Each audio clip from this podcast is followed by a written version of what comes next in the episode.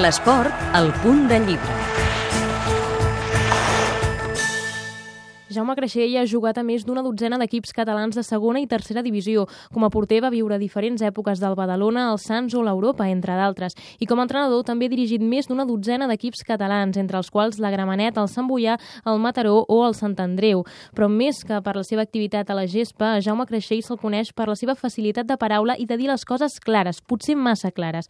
Una, una franquesa que l'ha dut a escriure un llibre. I si tinc raó, entre interrogants tot el que he viscut jo com a entrenador, com la meva vida particular, però principalment les anetes de futbol, jugadors meus parlen, eh, vull dir, d'entrenador, de jugador, i tot més o menys és això, una mica explicar com veig el futbol antic, el modern, i a la meva manera, que jo no tinc la raó, eh?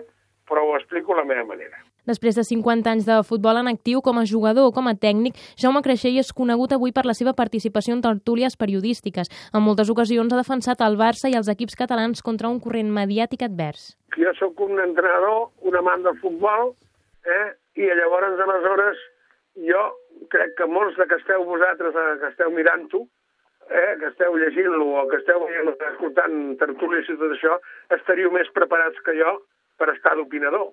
Però m'ha tocat a mi, i com que m'han donat aquestes, aquesta ocasió d'explicar de, les meves anècdotes, les he explicat per si us diverteix, i si només que n'hi hagin dos que comprin el llibre i que es diverteixin, ja seria feliç. A la portada del llibre hi ha un dibuix que un club de Corval català va dedicar a Jaume Creixell amb motiu de la defensa ferrissada que els va fer en el programa Tenim un punt, de Catalunya Ràdio.